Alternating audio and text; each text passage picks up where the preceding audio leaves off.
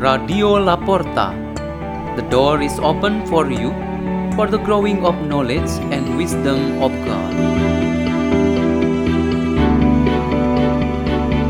Delivered by Father Peter Tukan SDB from Salesian Community Gerak in Labuan Bajo Diocese of Ruteng, Indonesia.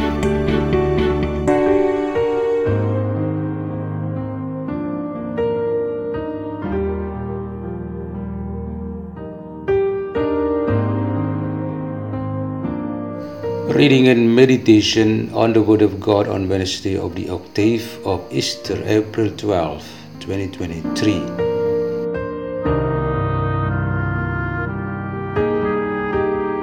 A Reading is taken from the Acts of the Apostles, chapter 3, verses 1 to 10.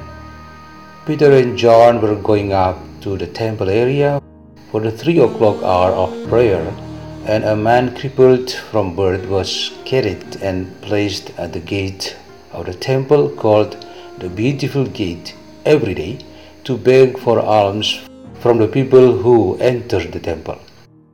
When he saw Peter and John about to go into the temple, he asked for alms.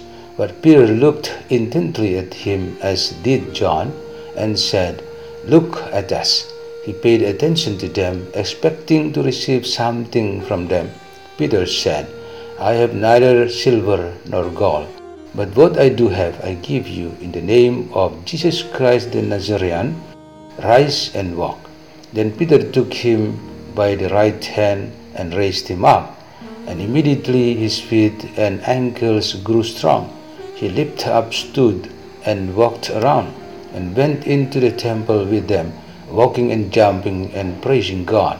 When all the people saw him walking and praising God, they recognized him as the one who used to sit begging at the beautiful gate of the temple, and they were filled with amazement and astonishment at what had happened to him. The Gospel of the Lord.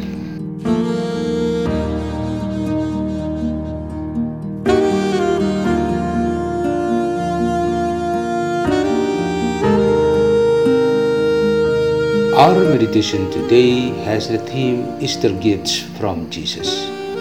The ultimate and special gifts for us on Easter Sunday is the resurrection of Jesus Christ from the dead.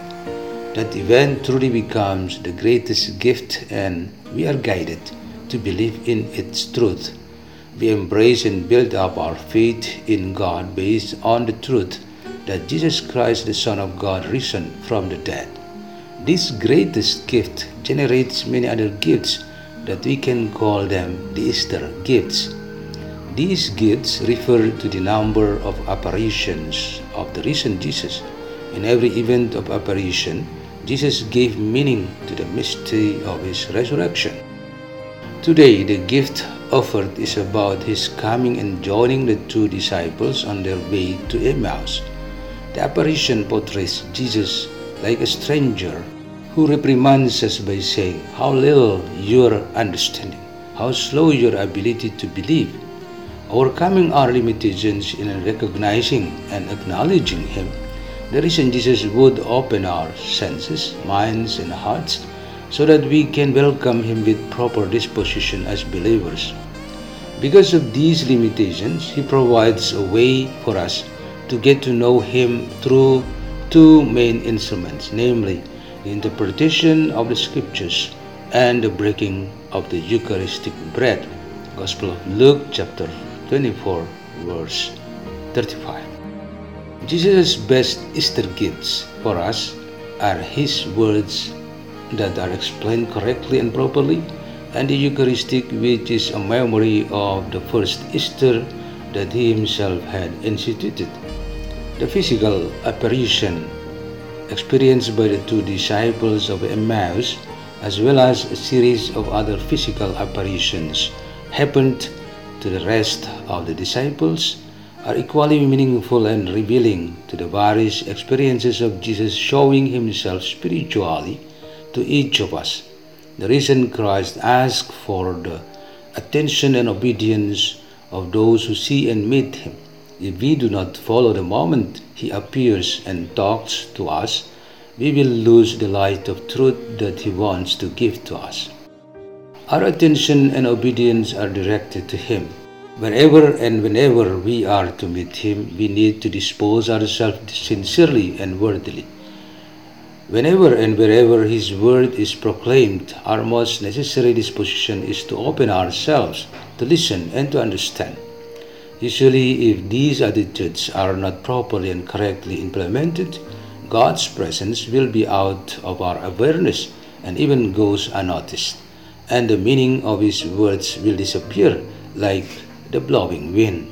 Likewise, when the Eucharist is celebrated and well participated, our proper disposition is to open ourselves, having sincere and pure hearts, and make oneself a pleasing home that God will be pleased to stay and be with us at all times. Usually, if these attitudes are not well practiced, then the Eucharist will only be an activity that has no influence in one's life. Let us pray. In the name of the Father, and of the Son, and of the Holy Spirit. Amen. O Lord Jesus Christ, bless us and enable us to recognize you in every moment your word preached and the Eucharist celebrated. Glory to the Father, and to the Son, and to the Holy Spirit as it was in the beginning, is now, and ever shall be, world without end. Amen. In the name of the Father, and of the Son, and of the Holy Spirit. Amen. Radio La Porta. The door is open for you.